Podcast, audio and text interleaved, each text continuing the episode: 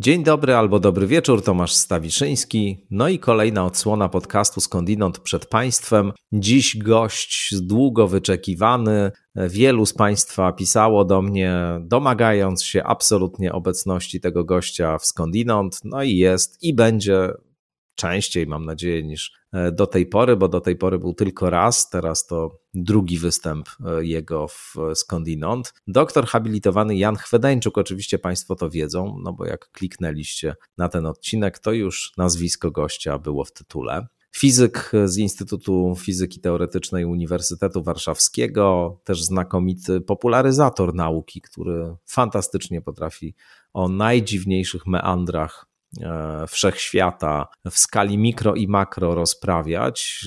Dzisiaj rozmawiamy o tezie niezwykle popularnej dzisiaj, e, w szczególności popularnej wśród mieszkańców i pracowników Doliny Krzemowej, ale nie tylko, czyli o tezie, że rzeczywistość jest, w której żyjemy, jest tak naprawdę komputerową symulacją. E, może jakieś zaawansowane cywilizacje wytwarzają taką symulację, może jeszcze ktoś inny. W każdym razie ten świat nie jest prawdziwy. E, my w nim tutaj funkcjonujemy, ale tak naprawdę na przykład może leżymy gdzieś zatopieni w jakimś płynie, podczepieni do jakichś urządzeń, niczym w filmie Matrix. To jest oczywiście idea prastara, idea sięgająca najbardziej starożytnych systemów filozoficznych i religijnych. Ta idea, że świat, który widzimy, nie jest prawdą, że może ktoś też nami się bawi, że w gruncie rzeczy coś zupełnie innego, nie to, co widzimy, jest prawdziwe. No a uzyskała ta idea taką nowoczesną formę, o której my dzisiaj z Jankiem rozmawiamy współcześnie, no bo wiadomo, technologia staje się kostiumem, w którym dawne prawdy mitologiczne, metafizyczne do nas przychodzą. No i tym się właśnie zajmujemy. E, dzisiaj zastanawiamy się, czy to wszystko jest naprawdę, czy ten świat istnieje, czy może nie. Przed Państwem doktor habilitowany Jan Chwedeńczuk.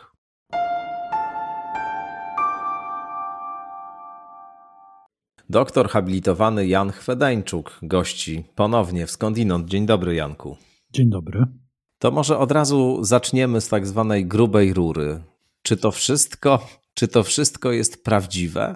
To wszystko jest naprawdę? To, co nas otacza dookoła, to, co widzimy, mikrofony, do których mówimy, nasze ciała, świat, który nas otacza, to wszystko jest prawdziwe? W znaczy, yy, przeciwieństwem byłoby, że jest jakie? No, że to jakaś iluzja jest. Że jest iluzja. Tak, że to wszystko jest zupełnie inne niż się wydaje. No.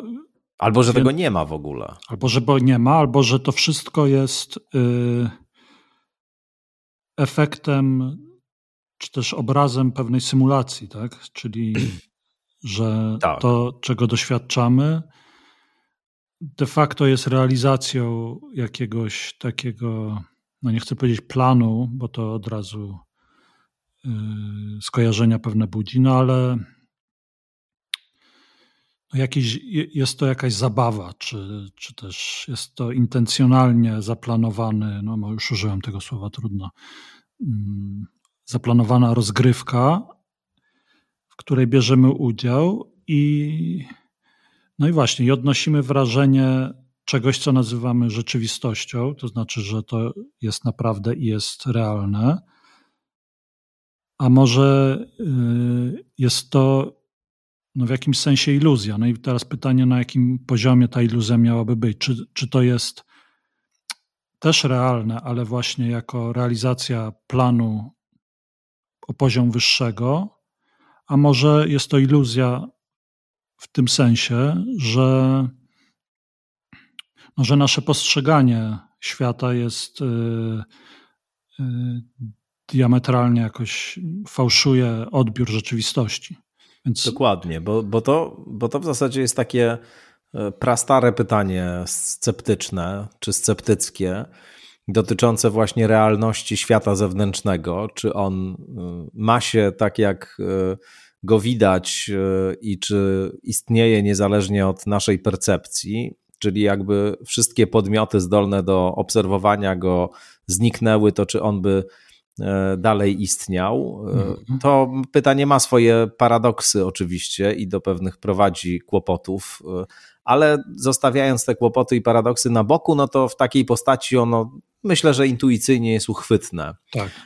co, w nim, co w nim tutaj jest zawarte. Natomiast drugi wariant to byłoby takie.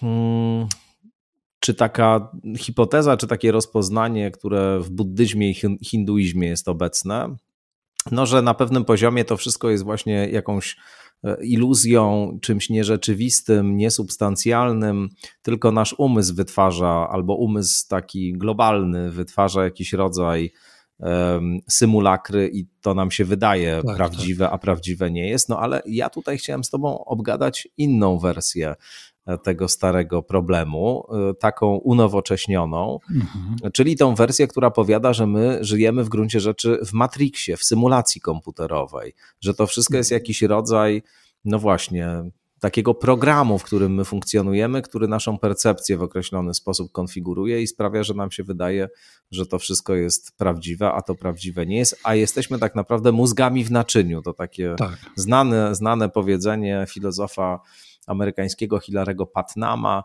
e, na początku lat 80. On to ukuł. No i ten mózg w naczyniu to jest mniej więcej to, co się dzieje z ludźmi w filmie Matrix, że leżą w jakichś takich e, dziwnych e, pojemnikach i tam są dokarmiani fizjologicznie.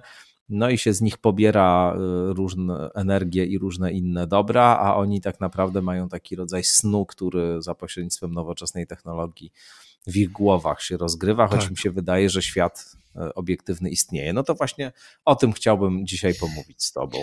Żyjemy w tym Matrixie, czy nie żyjemy? No to trochę, znaczy nie. Ja, ja zdaję sobie sprawę, że może rolą y, fizyka i materialisty jest natychmiast y, zaprzeczyć albo się oburzyć i powiedzieć, że y, przecież to nie sposób rozstrzygnąć. Ale jak się zastanawiałem nad tym, bo parę dni temu żeśmy mm, zaproponowałeś ten temat, ja od paru dni jakoś sobie staram w głowie ułożyć, mm, co myślę o tym, o, o co zapytałeś, y, to jestem w stanie przyjąć pewną konwencję, czy też pewną interpretację mm, pewnych zdań, to zaraz je omówimy, którą jeżeli przyjmiemy właśnie, to de facto można powiedzieć, czy powiedzieć, czy można przyjąć taką hipotezę, że żyjemy w symulacji i nie ma w tym mm. y, nic mistycznego. Zaraz, ja zaraz rozwinę tę myśl. To nie, to nie jest żadna, to jest w jakimś stopniu metafizyka, bo to jest coś ponad y, same, samo uprawianie fizyki, ale wydaje mi się, że to nie jest y, skrajny w każdym razie mistycyzm. A teoria spiskowa też trochę to jest? No bo Jeżeli... wiesz, to troszkę by była teoria spiskowa, gdybyśmy rzeczywiście żyli w symulacji, no bo ktoś te symulacje musi generować. O, no, to, tak. to tego ja nie rozstrzygnę. Kto za tym stoi? Kto za tym stoi? Kto za tym stoi? No, no ale to zaraz się wyklaruje i się wyklaruje wtedy też, czy, znaczy ja wyklaruję tą moją myśl i czy wtedy stanie się też jasne, czy, czy jesteśmy w stanie rozstrzygnąć, kto za tym stoi. Ale y, może zanim, zanim dojdziemy do tego, to taką miałem, taką miałem myśl, że wyobraźmy sobie, y, że informatycy, matematycy tworzą wreszcie coś, co naprawdę nazwalibyśmy sztuczną inteligencją. Czyli no nie tam, tak jak teraz kupujesz y, zmywarkę ze sztuczną inteligencją, bo ja przypuszczam, że jednak to, co siedzi w, w zmywarce, no nie do końca jest tym, co, co mamy na myśli, mówiąc sztuczna Jasne. inteligencja. No, zależy od zmywarki może. Zależy od modelu, tak, ale no wyobraźmy sobie, że w końcu, o ile w ogóle to jest możliwe, ja myślę, że tak, bo jestem materialistą i uważam, że że umysł jest wynikiem pracy bardzo złożonego układu fizycznego, czyli mózgu. Więc jeżeli to jest prawdziwe, e, jeżeli to jest możliwe, no to załóżmy, że któregoś dnia w tych obwodach scalonych prądy się tam zderzają, y, omijają i koniec końców y, powstaje tam inteligentna istota, która oczywiście jest czysto krzemowa, że tak powiem, ale jest inteligentna, to znaczy spełnia te kryteria, jakieś kryteria, które byśmy nadali. Ja nawet, prawdę powiedziawszy, nie, nie jestem specjalistą od sztucznej inteligencji. To pewnie Aleksandra Przegalińska by lepiej mogła na przykład ona wyklarować. No ale jakieś kryteria, które, które stawiamy bytowi, by nazwać go naprawdę inteligentnym. I świadomym, to jest ważne, i świadomym. No więc jest sobie ta istota, czy nawet może już załóżmy, że jest tam pewne społeczeństwo, w, funkcjonuje w tych obwodach scalonych. No i teraz y, to, to społeczeństwo funkcjonuje według pewnych reguł, które narzucili im informatycy, czy twórcy, szerzej mówiąc. Znaczy, oni de facto życie tej istoty jest jej doświadczenie jest realizacją pewnego algorytmu. Ja to tak rozumiem. To znaczy, koniec końców, sztuczna inteligencja no to są coraz bardziej złożone algorytmy w coraz bardziej złożonych układach, które przy pewnym stopniu złożoności właśnie przekraczają ten próg. No i pewnego dnia te byty w komputerze, w superkomputerze, siadają tak jak ty i ja przed mikrofonami i mówią: Janku, czy my żyjemy w Matrixie? Czy ktoś nas, ktoś nas puścił i się realizujemy? Czy też jesteśmy fizycznymi, realnymi bytami? No i teraz mm, pytanie, jak takie y, programy komputerowe, te byty, te sieci neuronowe, czy cokolwiek to będzie, jak one miałyby w ogóle, jak to mówimy, zaatakować ten problem. To znaczy, od czego tu zacząć? No bo one żyją w jakimś środowisku, mają zbiór doświadczeń, zakładam, że się uczą, czyli innymi słowy, obserwując prawidła, które w tym środowisku zachodzą, no, budują pewne, pewną wiedzę, inteligencję, intuicję. No i co teraz miałoby sprawić, że te yy, że te z naszej perspektywy sztuczne byty nagle, wiesz, co, co one miałyby zaobserwować, żeby stwierdzić, że ktoś je, ktoś realizuje program komputerowy w gruncie rzeczy. No i to ciężko powiedzieć, ale to, co mm. mi przychodzi do głowy, to, że być może czymś takim musiałby być coś w rodzaju cudu, czyli y, mam tu na myśli Y, umyślnie prowokacyjnie użyłem tego określenia, ale mam tu na myśli takie zjawisko, które byłoby bardzo rzadkie i radykalnie y, rozbieżne z, z tym, czego się należy spodziewać. Czyli na przykład wyobraźmy sobie, że siedzą te sztuczne byty i piją kawę, tłucze się y, kubek z kawą upada i, i się rozpada na kawałki, po czym w trakcie rozmowy albo gdy jeden z tych bytów poszedł po zmiataczkę, no to nagle y, się okazało, że, że ten kubek podskoczył, złożył się w kawałki, kawa tam się z, z dywanu nasączyła z powrotem i wszystko wróciło do normy. No i gdy, gdybyśmy my doświadczyli czegoś takiego, no to. Yy, jak gdybym ja w każdym razie coś takiego zobaczył, to bym no, miał poważne wątpliwości. Najprawdopodobniej miałbym wątpliwości co do swojego y, stanu psychicznego, ale jeżeli byśmy tam siedzieli więcej osób i wszyscy by to doświadczali i, i wszyscy byliby trzeźwi, nieodurzeni żadnymi y, substancjami, no to, to za, zacząłbym podejrzewać, że no, w każdym razie, że jest coś, czego na fundamentalnym poziomie nie rozumiem, bo jest to zjawisko, które radykalnie odbiega od mojego doświadczenia. No i teraz pytanie, co zrobić z, z, takim, z takim faktem doświadczalnym?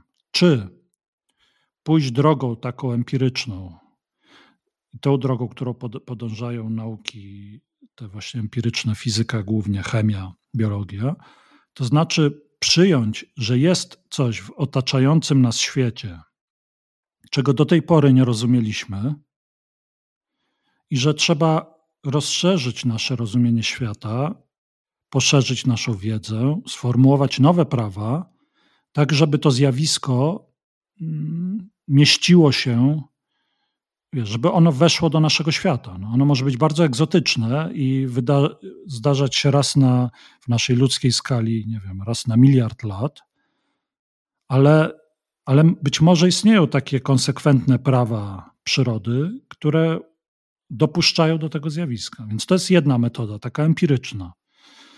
A druga metoda, no to byłoby przyznać, założyć, że, że tu doszło do jakiejś interwencji.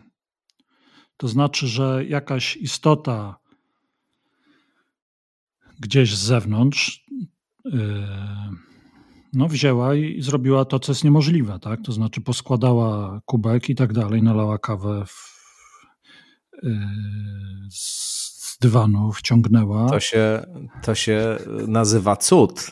To się, to się no nazywa właśnie, cud. To, to się tak. nazywa cud. No i wtedy, gdybyśmy y, odpuścili ten taki, y, tę taką y, empiryczną, zeszli z tej empirycznej ścieżki i, i dopuścili,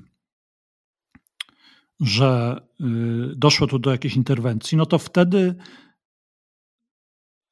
wtedy my, czy też te istoty symulowane w komputerze, mogłyby zacząć podejrzewać, że istnieje jakiś meta świat, w którym istnieją istoty, które, których te ograniczenia, którym poddawane są, jest poddawana sztuczna inteligencja, nie obowiązują i one mogą z zewnątrz, tak jak y, masz domek z lalkami i tam od góry, wiesz, zaglądasz i przestawiasz lalki, tak? Te, te, te zewnętrzne istoty mogą tej sztucznej inteligencji y, płatać figle.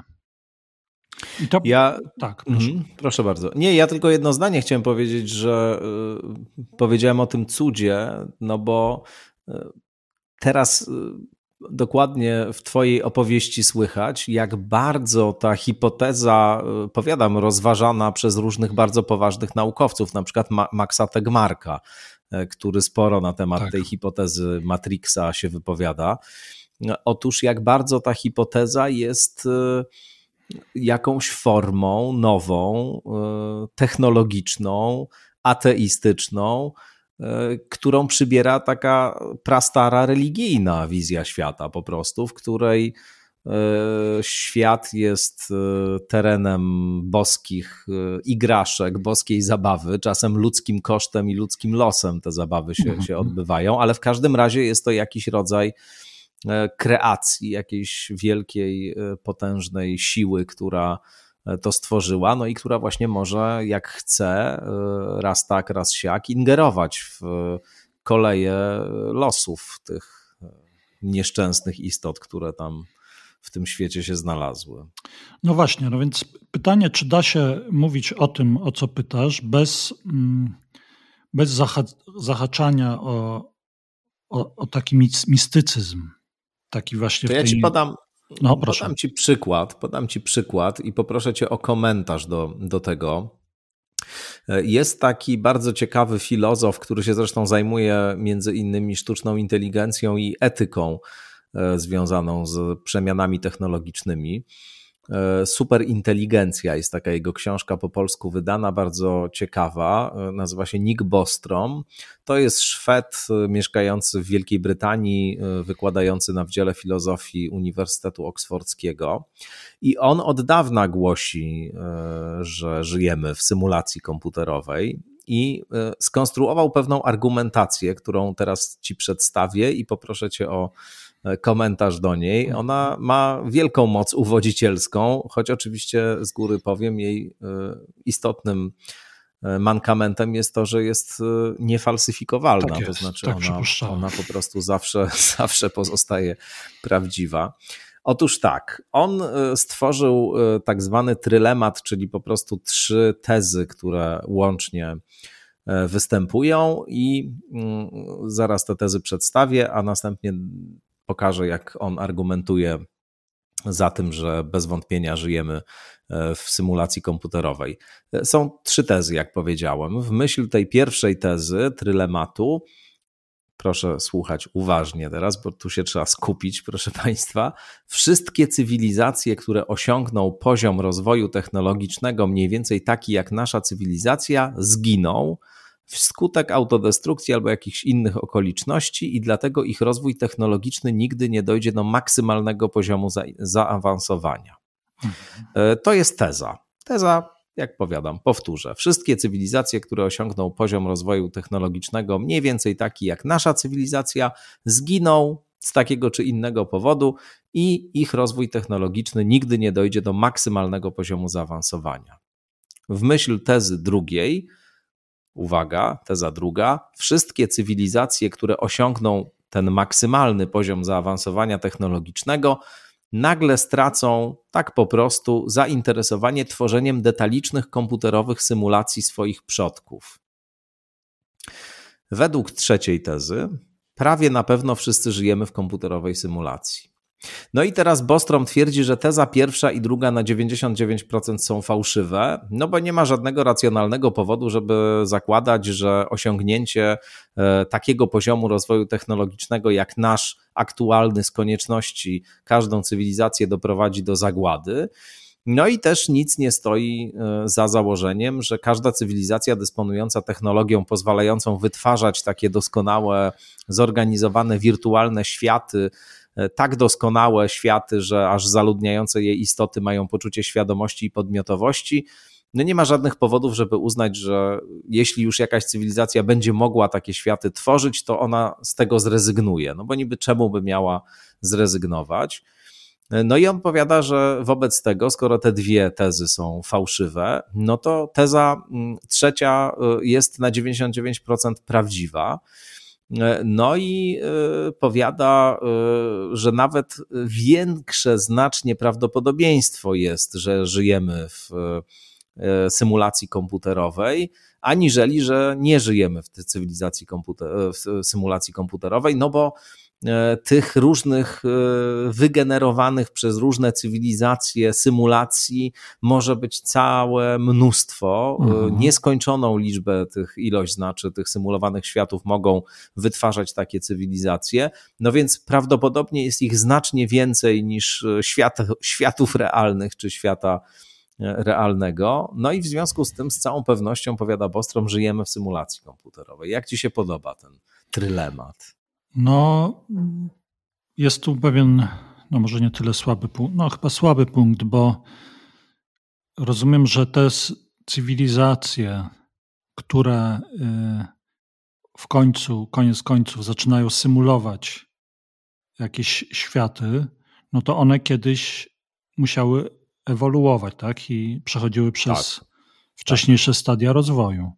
No to dlaczego on, rozumiem, że on jaki, jakoś tak próbuję oszacować i stwierdzić, że bardziej prawdopodobne jest to, że jesteśmy efektem y, symulacji, niż to, że jesteśmy jedną z tych cywilizacji, które są na wczesnym etapie rozwoju. Rozumiesz, bo. Tak, tak. On mówi tak: istnienie innych cywilizacji, mm, także w obrębie tych przez dzisiejszą fizykę w każdym razie dopuszczanych światów równoległych jest przynajmniej możliwe. Znaczy, mówi, to jest przynajmniej możliwe, że istnieją jakieś inne cywilizacje. No a skoro jest możliwe, no to również jest możliwe, że one rozwinęły takie technologie pozwalające na tworzenie symulacji. No nie jest to jakoś szczególnie mhm. absurdalny pomysł, mm -hmm. tylko no jest to możliwe. No a biorąc pod uwagę, że każda cywilizacja, która dysponuje taką technologią, może wytwarzać nieskończoną ilość takich symulowanych światów, no to zdecydowanie bardziej prawdopodobny. E, e, on powiada, że nawet jak miliard do jednego jest wariant, że już teraz żyjemy w jednej z takich symulacji. No, ciekawe to jest, tylko nieweryfikowalne, ciekawe, nie? prawda? To prawda, no właśnie o to chodzi. Więc y, y, wychodząc od tego, y, zaraz nawiążę do tego, co powiedziałeś, tylko teraz bym powiedział tak, że wychodząc od tego, mm, od tego modelu, z, który dyskutowaliśmy ze sztuczną inteligencją, chciałbym się teraz zastanowić, w jaki sposób my tutaj, y, my istoty, co do, o których myślimy o sobie, że jesteśmy realne, y, jak, w jaki sposób moglibyśmy się próbować no, wyrwać z tego świata, tak jak w Matrixie to się działo. To znaczy, w jaki sposób yy, moglibyśmy nabrać jakiegoś przekonania, tylko takiego silnie ugruntowanego, a nie, żeby to nie były jakieś bajania pod wpływem środków odurzających, yy, że rzeczywiście żyjemy w symulacji i w, w ten sposób, czy istnieją jakieś narzędzia, by spróbować tę tezę, którą przytoczyłeś, yy, by spróbować ją zweryfikować. Mm, bo z tego co pamiętam, to w Matrixie to ten główny bohater, yy, on wychodzi poza, znaczy on się uwalnia, wychodzi poza system, bo ktoś go tam wyciąga, prawda? Tam chyba jest tak, że yy, jest grono mm, tych zbuntowanych osobników. Tak jest. I one go mm, jakoś tam wołają. W związku z tym no nie, nie do końca Morfeusz, jest. Tak. Morfeusz się pojawia i daje mu do wyboru, którą Pigułkę. pigułkę chcesz połknąć. Tak. No ale y, czy to. Ja nie pamiętam, czy tam jest powiedziane, skąd się wziął Morfeusz. Bo wiesz, bo to jest ten problem, kto, y, kto pierwszy się Przebudził się Morfeusz. Przebudził y, mhm. i w jaki sposób, jak on to zrobił, tak? Skoro wszyscy jesteśmy podłączeni, to co, co musiało się stać, żeby on w ogóle w tej jego symulacji, bo to jest cały czas, kręcimy się wokół tego pytania, w jaki sposób w jego symulacji on mógłby zacząć się orientować, że jest świat zewnętrzny, poza takim czysto fizjologicznym jakimś zdarzeniem, że tam się rozłączają te rury, którymi są podłączeni jacyś ludzie i oni się uwalniają, ale to jest to, to ma charakter cudu w tym świecie. Wiesz, ale tu znowu jest taka analogia e, religijna, powiedzmy, czy mityczna, czy mitologiczna, no bo to jest bardzo w duchu e, gnostyckich mitologii. E, z kolei jesteśmy zanurzeni właśnie w świecie, który tak naprawdę jest dziełem złego bóstwa, jesteśmy w nim uwięzieni. E, my to znaczy nasza duchowa iskra, mhm. odprysk jakiegoś doskonałego absolutu, który spadł głęboko, głęboko gdzieś w jakieś otchłanie materii no i e, jest pogrążony w stanie jakiegoś letargu, snu. E, I dopiero taki moment przebudzenia, w którym człowiek uświadamia sobie, że właśnie jest bytem duchowym uwięzionym w materii, czyli w ogóle odkrywa, że ta rzeczywistość, która go otacza, w której on żyje, jest czymś e, złym, jest więzieniem, jest tym właśnie, co, co nieprawdziwe, co, co, co, co fałszywe, złe no to jest taki moment świadomości, zaczyna się ten proces dochodzenia do, mhm. do gnostyckiego, gnostyckiej soterii. No i tutaj to bardzo jest podobne, więc tak, to, tak. to... Mhm. Pytanie, jak ten sygnał miałby wyglądać? Bo na przykład z mojej perspektywy, czyli fizyka, to mm, myślałem sobie o następującym procesie, o następującym serii zjawisk. Y, które jakoś tam no, są historycznie ugruntowane. Otóż y, mniej więcej no, no, od czasów Newtona dysponujemy, znaczy po prostu od czasów Newtona, dysponujemy y, pewnymi, sformu mamy sformułowane pewne prawa, które nazywamy prawami fizyki i które dają przepis, taki bardzo ogólny przepis, w jaki sposób. Hmm, w jaki sposób opisywać matematycznie mm, przyrodę. To znaczy, w jaki sposób, nie wiem, gdy rzucimy piłkę, to jak ona będzie się ruszała, jak wpływać na nią będą podmuchy wiatru i tak dalej, gdzie spadnie i te wszystkie, z jaką prędkością będzie leciała i te wszystkie rzeczy. Więc istnieją, istnieje pewien zbiór y, prawideł, które, y, które nazywamy prawami fizyki i które przy naszej obecnej wiedzy w sposób w miarę kompletny, nie, niekoniecznie kompletny, ale na tyle, na ile potrafimy, w miarę kompletny opisują świat.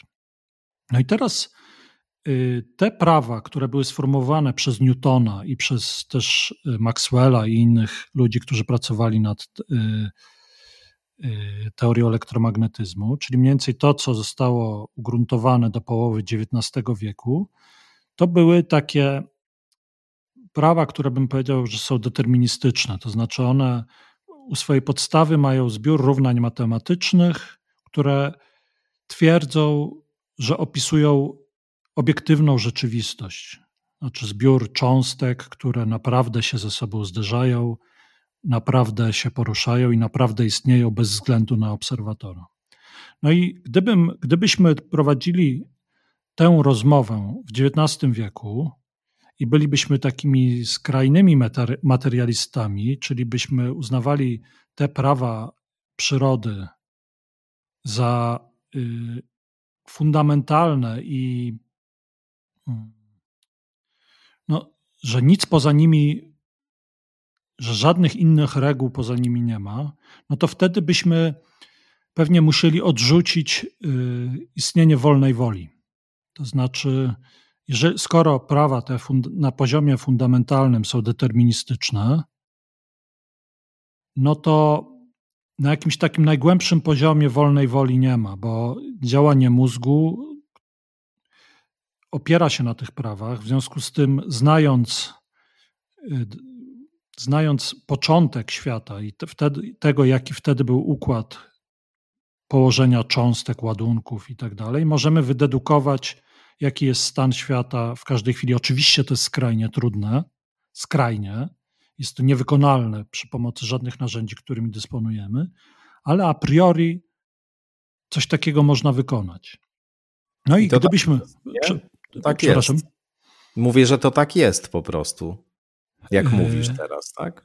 Ja, ja y, mówię o obrazie mniej więcej do połowy XIX, tak. do końcówki XIX tak. wieku, bo zaraz oczywiście zahaczymy o teorię, teorię kwantów i zobaczymy, że to się mm, komplikuje trochę.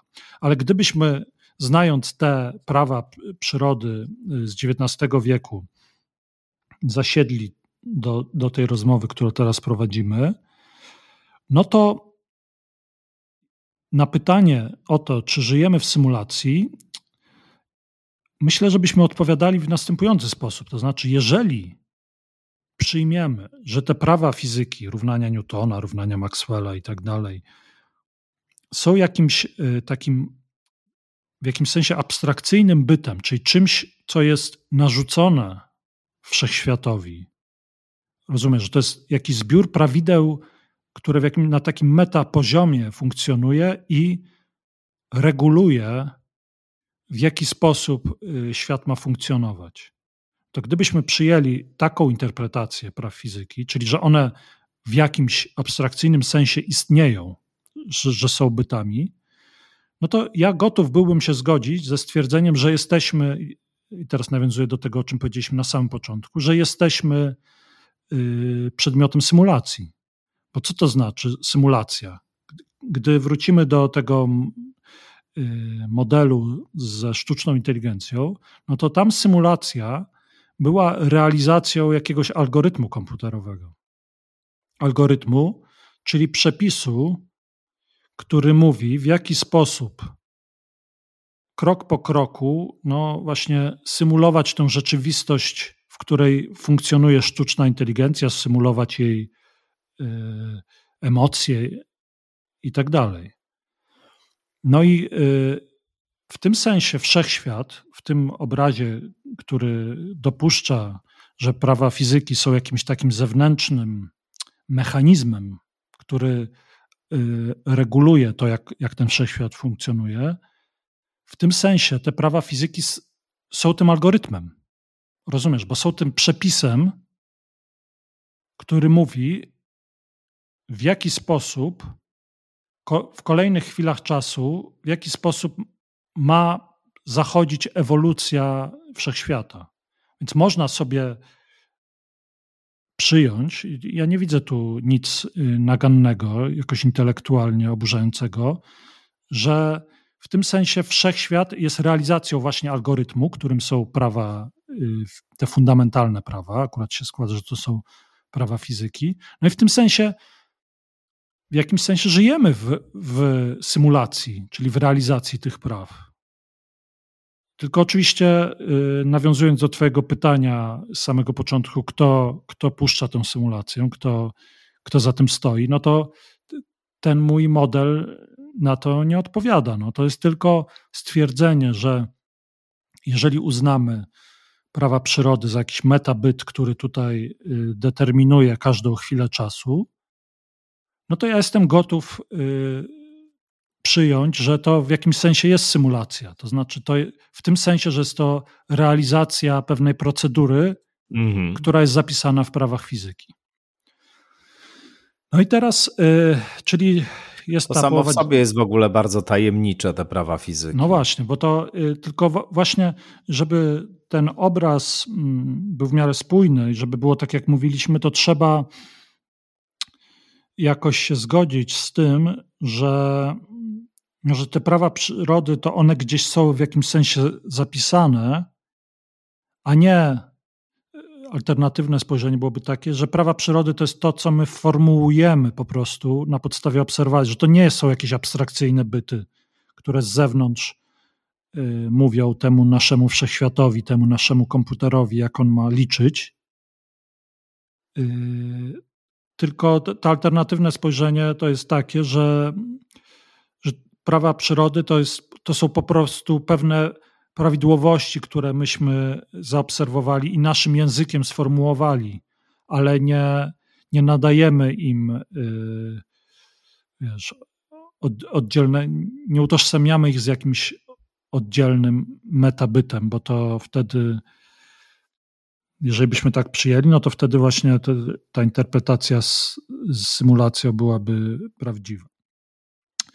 No więc y, jest ta połowa XIX wieku i wszystko tutaj się w miarę zgadza, to znaczy te prawa, któreśmy sformułowali, albo jak to woli, któreśmy odkryli z tej jakiejś hiperprzestrzeni, gdzie one funkcjonują, no dają adekwatny obry, opis rzeczywistości.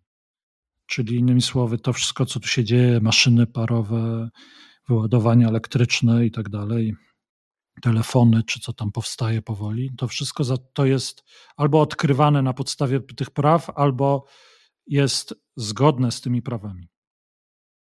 No i teraz na przełomie wieków y, rozpoczyna się ta rewolucja fizyczna, nie tylko fizyczna, ale też na różnych innych polach, ale tu nas interesuje ten aspekt czysto fizyczny. No i ona jakoś zaczyna się od tego, że ludzie mm, stwierdzają, że są pewne zjawiska, takie jak na przykład stabilność atomów i, i wiele, wiele innych zjawisk, które nie pasują do tego opisu. I w tym sensie te zjawiska y, są jakąś analogią tego, tego składającego się na powrót kubka, który, do którego kawa się wlewa. Y, no bo to jest coś takiego, czego w, w tym obrazie świata, który mieliśmy do tej pory, co nie pasuje jawnie. No i teraz można przyjąć y, postawę mm, wobec tych. Y, to nie są cuda, oczywiście, tylko, wiesz, bo to są jednak zjawiska, które są uniwersalne, w tym sensie, że każdy, że problem ze z, z tym, że się atom wodoru nie zapada w sobie, y, co przewidywałaby klasyczna elektrodynamika, czy innymi słowy, że elektrony nie, nie spadają na jądra atomowe i wszystko się nie robi nieskończenie małą taką kuleczką, tylko te atomy rzeczywiście mają jakieś bardzo małe, ale jednak skończone rozmiary, no to to nie jest jednostkowy fakt, który stwierdzono w jakimś laboratorium gdzieś tam pod Londynem, tylko to dotyczy każdego atomu wodoru, helu, tlenu i co tamkolwiek sobie wyobrazimy, który jest we wszechświecie. W związku z tym to nie do końca jest taki cud, y, jakiego doświadczyły te byty sztucznej inteligencji, który się zdarzył raz i naprawdę y, może być przyczyną poważnych wątpliwości co do tego, czy ktoś nami nie steruje, tylko to są w miarę uniwersalne grupy zjawisk, które stoją w sprzeczności y, z tym, co wiemy o świecie. Niemniej, no, w tym momencie można by mm, przyjąć dwojaką postawę wobec takich zjawisk. Jedna postawa to jest taka, że ktoś y, z zewnątrz bierze te wszystkie atomy i na przykład elektronom, które by chciały y, już spaść na jądra atomowe, tak jak możemy sobie wyobrazić Ziemia, która nagle takim spiralnym ruchem, zamiast kręcić się wokół y, Słońca, to tak spiralnie spadłaby na Słońce, to ktoś z zewnątrz przytrzymuje te elektrony na tych orbitach. Ja mówię takim bardzo, może naiwnym językiem, ale wydaje mi się, że on jakby istotę rzeczy przekazuje. No i sprawia, że atomy, wszystkie atomy we wszechświecie jednak się nie zapadają, materia jest stabilna, obiekty fizyczne mają takie wymiary, jak mają i tak dalej. Więc to byłaby taka postawa, mm, która mogłaby prowadzić do, y, do sformułowania tezy, że ktoś z zewnątrz ingeruje i łamiąc reguły, które my znamy i które przecież, y, które rządzą wszechświatem i które przecież te reguły tutaj y, mówią, w jaki sposób symulacja ta, w której żyjemy, ma zachodzić. Łamiąc te reguły, no właśnie jakiś, do jakiegoś cudu dochodzi, no, czy takiej właśnie zewnętrznej ingerencji. Więc to jest jedna postawa. Druga postawa, taka czysto empiryczna, to jest próbować sformułować nowe prawa przyrody, które, yy, które wyjaśnią te zjawiska. No i tymi prawami przyrody, akurat to, to wiemy, bo wielokrotnie o tym rozmawialiśmy, jest równanie Schrödingera i w ogólności mechanika kwantowa. No i jak widzisz, ta postawa empiryczna, ona jest jakoś mm, no niekompatybilna z, z taką postawą, w której dopuszczamy w pewnym momencie ingerencję. Znaczy, ja nie wiem, co musiałoby się stać. Yy, musiałby się rzeczywiście stać jakiś cud, cokolwiek tym cudem jest, żeby, żeby nagle ludzie, osoby badające przyrodę, porzuciły swoje metody i po prostu przyjęły do świadomości, że nastąpiła ingerencja z zewnątrz i y, radykalne złamanie reguł, zamiast próbować sformułowa sformułować nowe reguły, które by tę ingerencję w jakiś sposób tłumaczyły. Nie wiem, czy, czy w sposób jasny się. Bardzo jasny, moim zdaniem. Tak, tak. No więc. Y Przypuszczam, że y, żeby właśnie, żeby tę tezę obalić bądź zweryfikować, to ja, musielibyśmy być świadkiem takiego jednostkowego zdarzenia, które by radykalnie było sprzeczne z, y, z naszą intuicją i z, nasz, z tym, co wiemy o prawach przyrody. Y, I żeby to było jakoś niepowtarzalne. To jeszcze tylko odnosząc się do, tego, do tej rewolucji, która na początku XX wieku y, miała miejsce, której efektem było sformułowanie teorii względności oraz mechaniki kwantowej, no to można by przenieść tę dyskusję, którą byśmy teoretycznie prowadzili w połowie XIX wieku i uznalibyśmy, że równania Newtona i te wszystkie inne prawidła klasycznej fizyki y, stanowią algorytm, według którego nasze życie się tu symuluje, to moglibyśmy to samo, być może moglibyśmy to samo powiedzieć teraz. To znaczy, siedzimy teraz w, przy mikrofonach i mówimy: No dobra, no są te nowe prawa fizyki, teoria względności, mechanika kwantowa, ale są też te stare, które w jakimś tam obszarze dobrze funkcjonują, czyli pewnie w, raczej w makroświecie niż w mikro. No i może te nowe prawa, łącznie z tymi starymi, stanowią po prostu nowy, rozszerzony algorytm, tylko myśmy go w połowie XIX wieku nie znali, a teraz żeśmy poznali. I ten algorytm jest po prostu o wiele bardziej skomplikowany i, i przewiduje jakieś takie dziwaczne zjawiska, jak te, o których żeśmy wielokrotnie rozmawiali, te koty Schrödingera, splątania i, i, i tak dalej. No ale okej, okay, no, no to, to oznacza, że algorytm jest bardziej subtelny niż nam się wydawało. Zajęło nam kilkaset lat y, więcej sformułowanie tych nowych praw, czy raczej odkrycie tych praw zapisanych gdzieś tam w zewnętrzu wszechświata. No ale koniec końców to jest nasza symulacja. Więc y, y, jeden problem, który ja widzę z takim stwierdzeniem teraz, jest taki, że mechanika kwantowa, tak jak wielokrotnie o tym mówiliśmy, mm, jest już teorią, tak jak ją teraz rozumiemy, niedeterministyczną.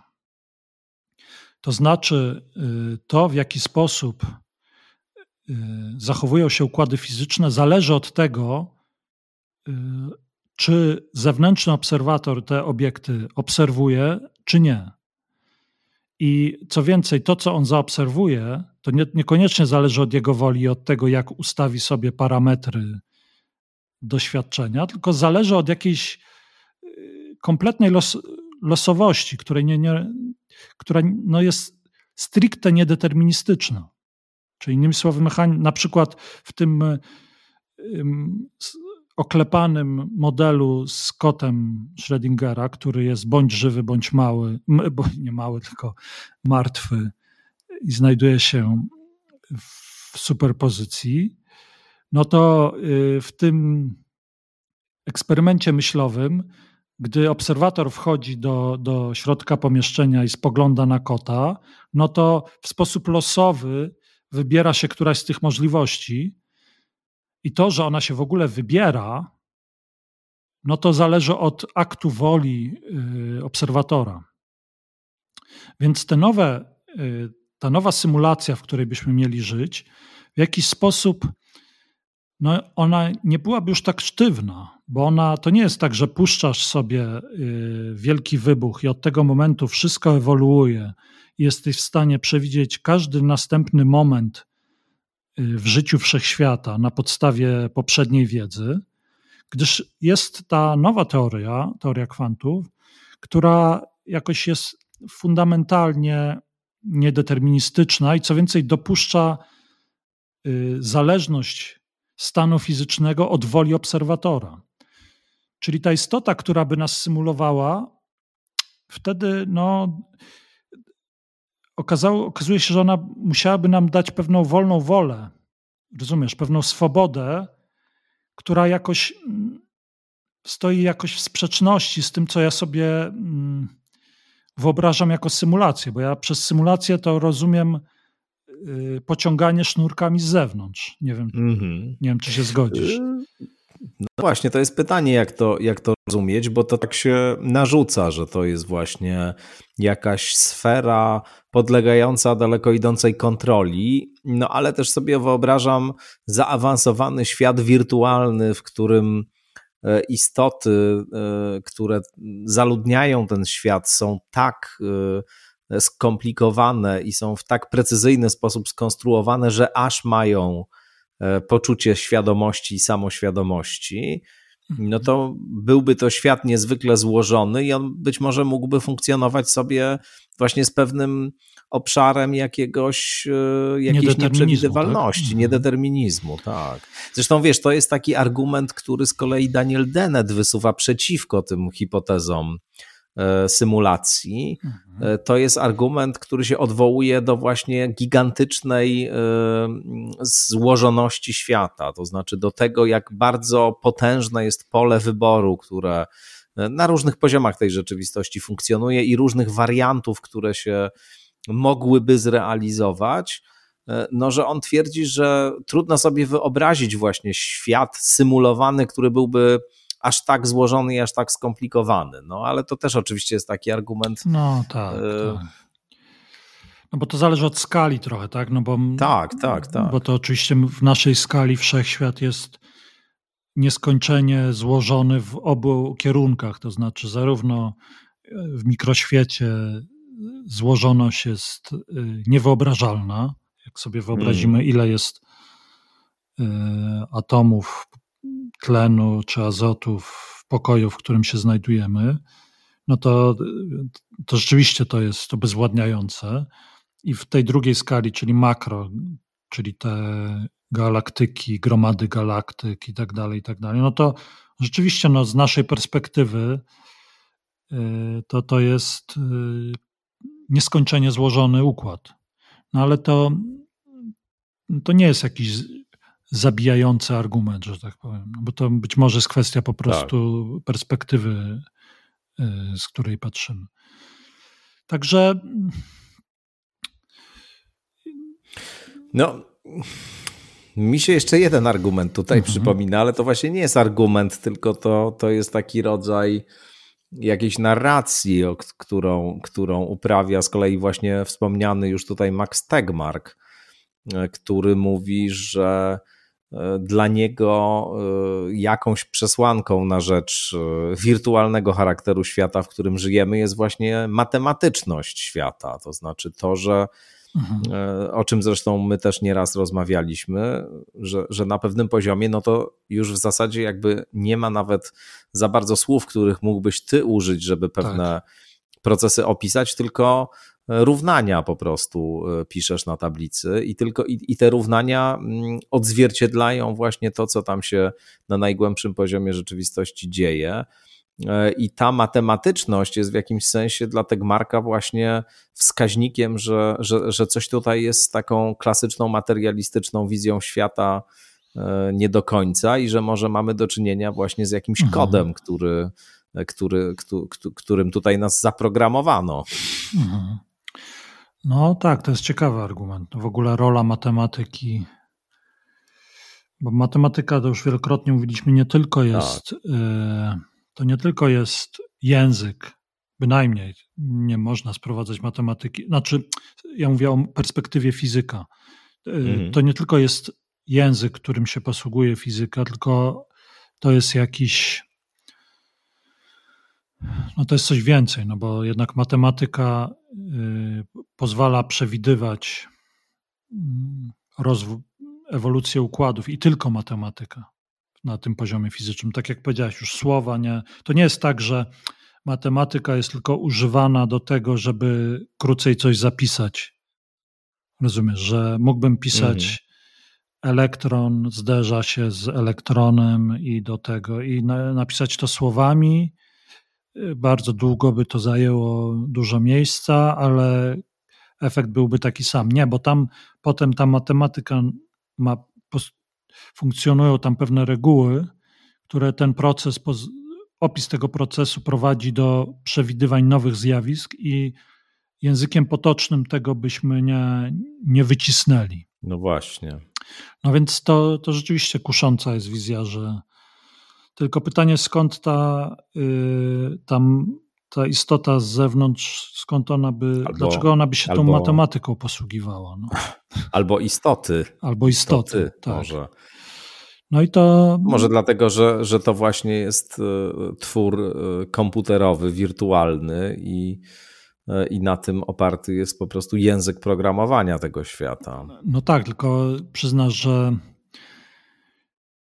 no my używamy w ogóle mówienia o komputerach, którymi miałyby się posługiwać tak. te, te, te istoty, no jest przenoszeniem naszych doświadczeń. No nie mamy nic innego. No, jakieś przenosimy te nasze doświadczenia na ten wyższy poziom i nagle twierdzimy, że tam będą jakieś wspaniałe, wielkie istoty, które będą się posługiwać komputerami.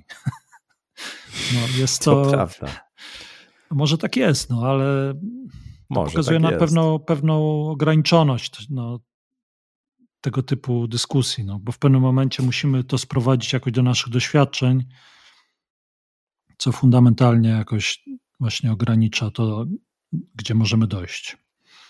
A powiedz, e, czy dla ciebie, e, no już teraz mówię tak, e, żebyś powiedział z własnego po prostu doświadczenia, mm, to jest w ogóle jakiś problem, który uwzględniasz, czy z którym mierzysz się w swojej pracy e, fizyka teoretycznego, e, mówię o problemie realności świata. No bo oczywiście tu jeszcze jest jedno rozumienie tego sformułowania o funkcjonowaniu w symulacji, czy o pewnej nierzeczywistości mhm. świata, który nas otacza, mhm. takie, z którym w pełni zgodziłby się i by je wyraził Paweł Boguszewski na przykład E, no chodzi po prostu o to, że my do, postrzegamy świat w taki sposób, w jaki nam nasz mózg ten świat prezentuje. Tak. Mamy pewien e, aparat percepcyjny i ten aparat percepcyjny e, przyjmuje e,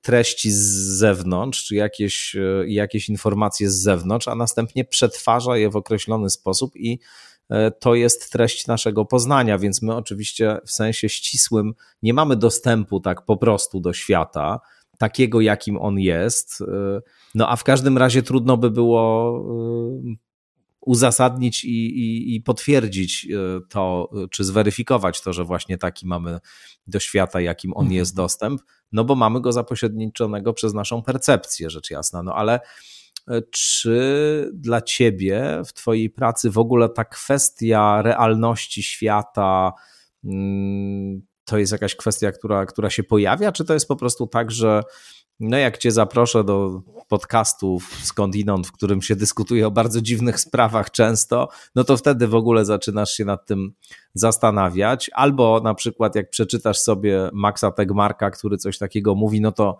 po godzinach możesz się E, jakoś e, e, pozastanawiać właśnie nad tym, a generalnie w Twojej pracy, czy w ogóle w fizyce, to jest jakaś rzecz, która, która po prostu no nie jest pierwszorzędnym zagadnieniem i, i w ogóle nie jest jakby formułowana czy, czy, czy werbalizowana. Jak, jak to wygląda?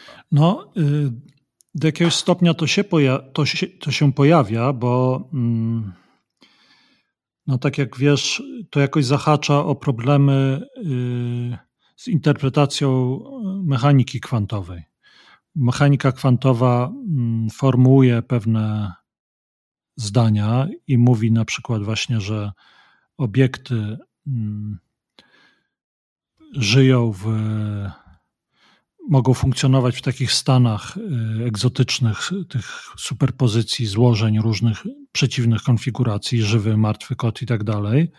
No i, y, i potem przychodzisz ty czy ja i nasz, z naszym mózgiem i naszym aparatem poznawczym sprawiamy, że tamten świat, który jest y, na poziomie jakiegoś opisu matematycznego, nagle mm, ulega bezpowrotnemu zaburzeniu.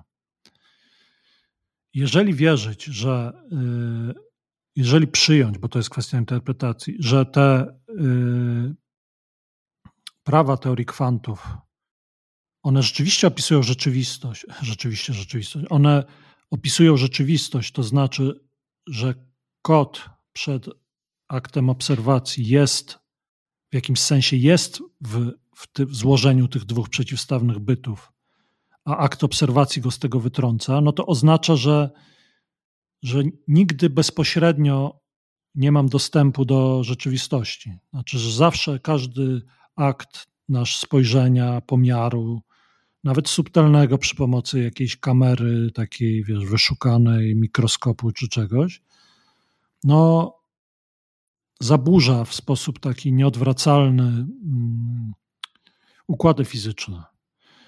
I w tym sensie mm, to, to by oznaczało, że no nie da się wyabstrahować, a w każdym razie nie wiemy, jak to zrobić, od, od tego aktu obserwacji.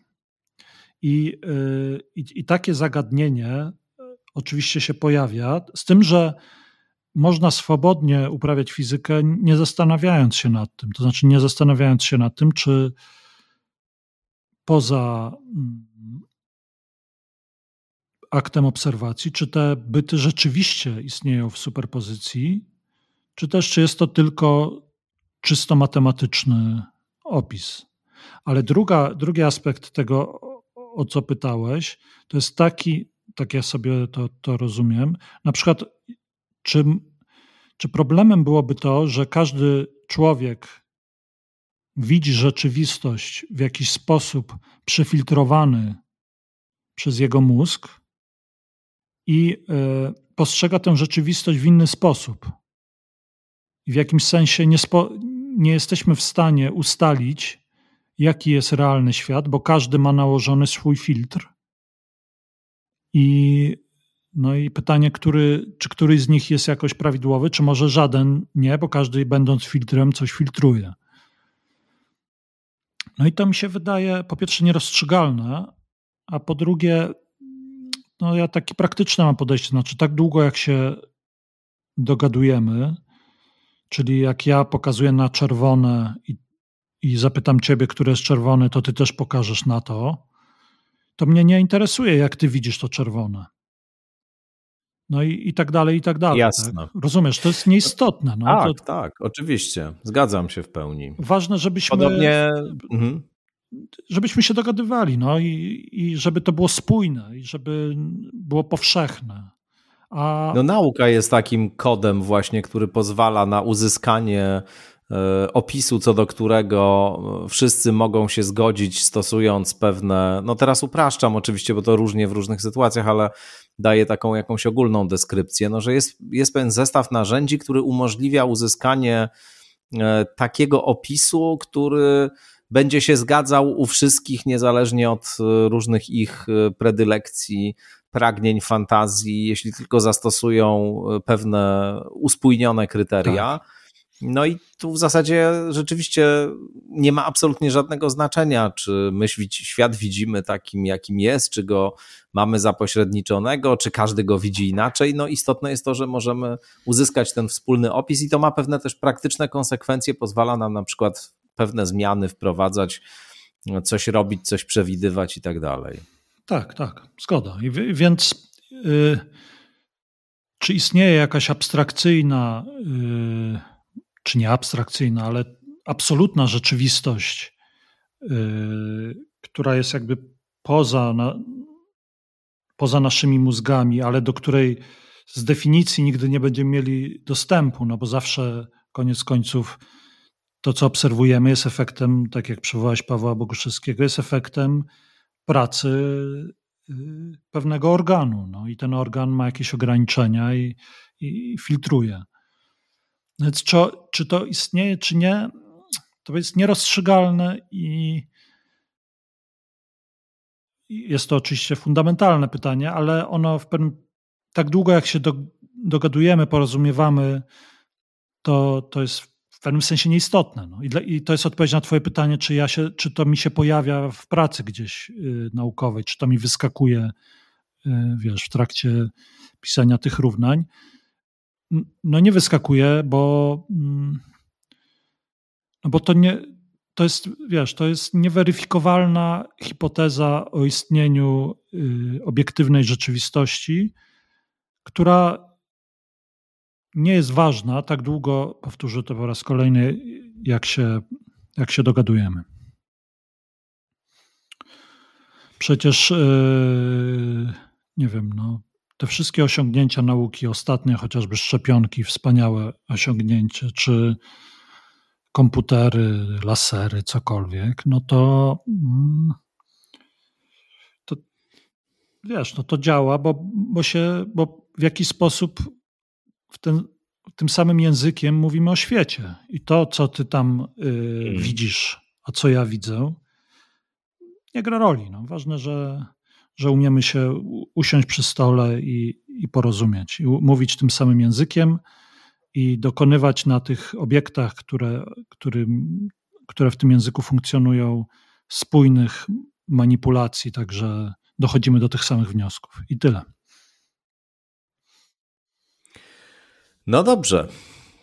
To myślę, że to jest piękna puenta naszej y, dzisiejszej rozmowy. Bardzo Ci serdecznie za nią dziękuję. dziękuję. Doktor habilitowany Jan Chwedańczuk był Państwa gościem.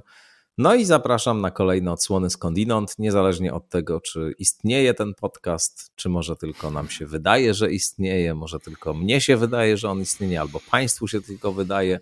W każdym razie, jak się da słuchać, to słuchajcie. Do usłyszenia. Wszystkiego dobrego.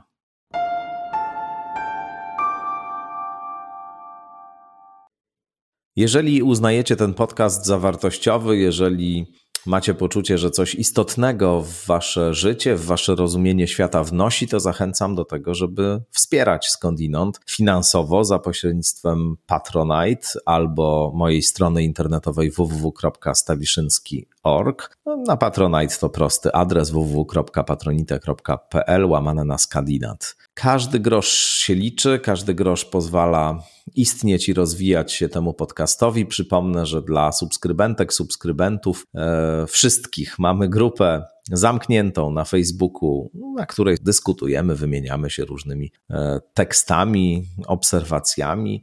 A dla osób, które wspierają ten podcast kwotą 20 zł miesięcznie i wyżej, mamy również specjalny newsletter, który wysyłam co tydzień po każdym odcinku w środy i który zawiera rozmaite rekomendacje dotyczące tego, co jeszcze warto przeczytać, z czym może warto się zapoznać, jakie książki warto mieć.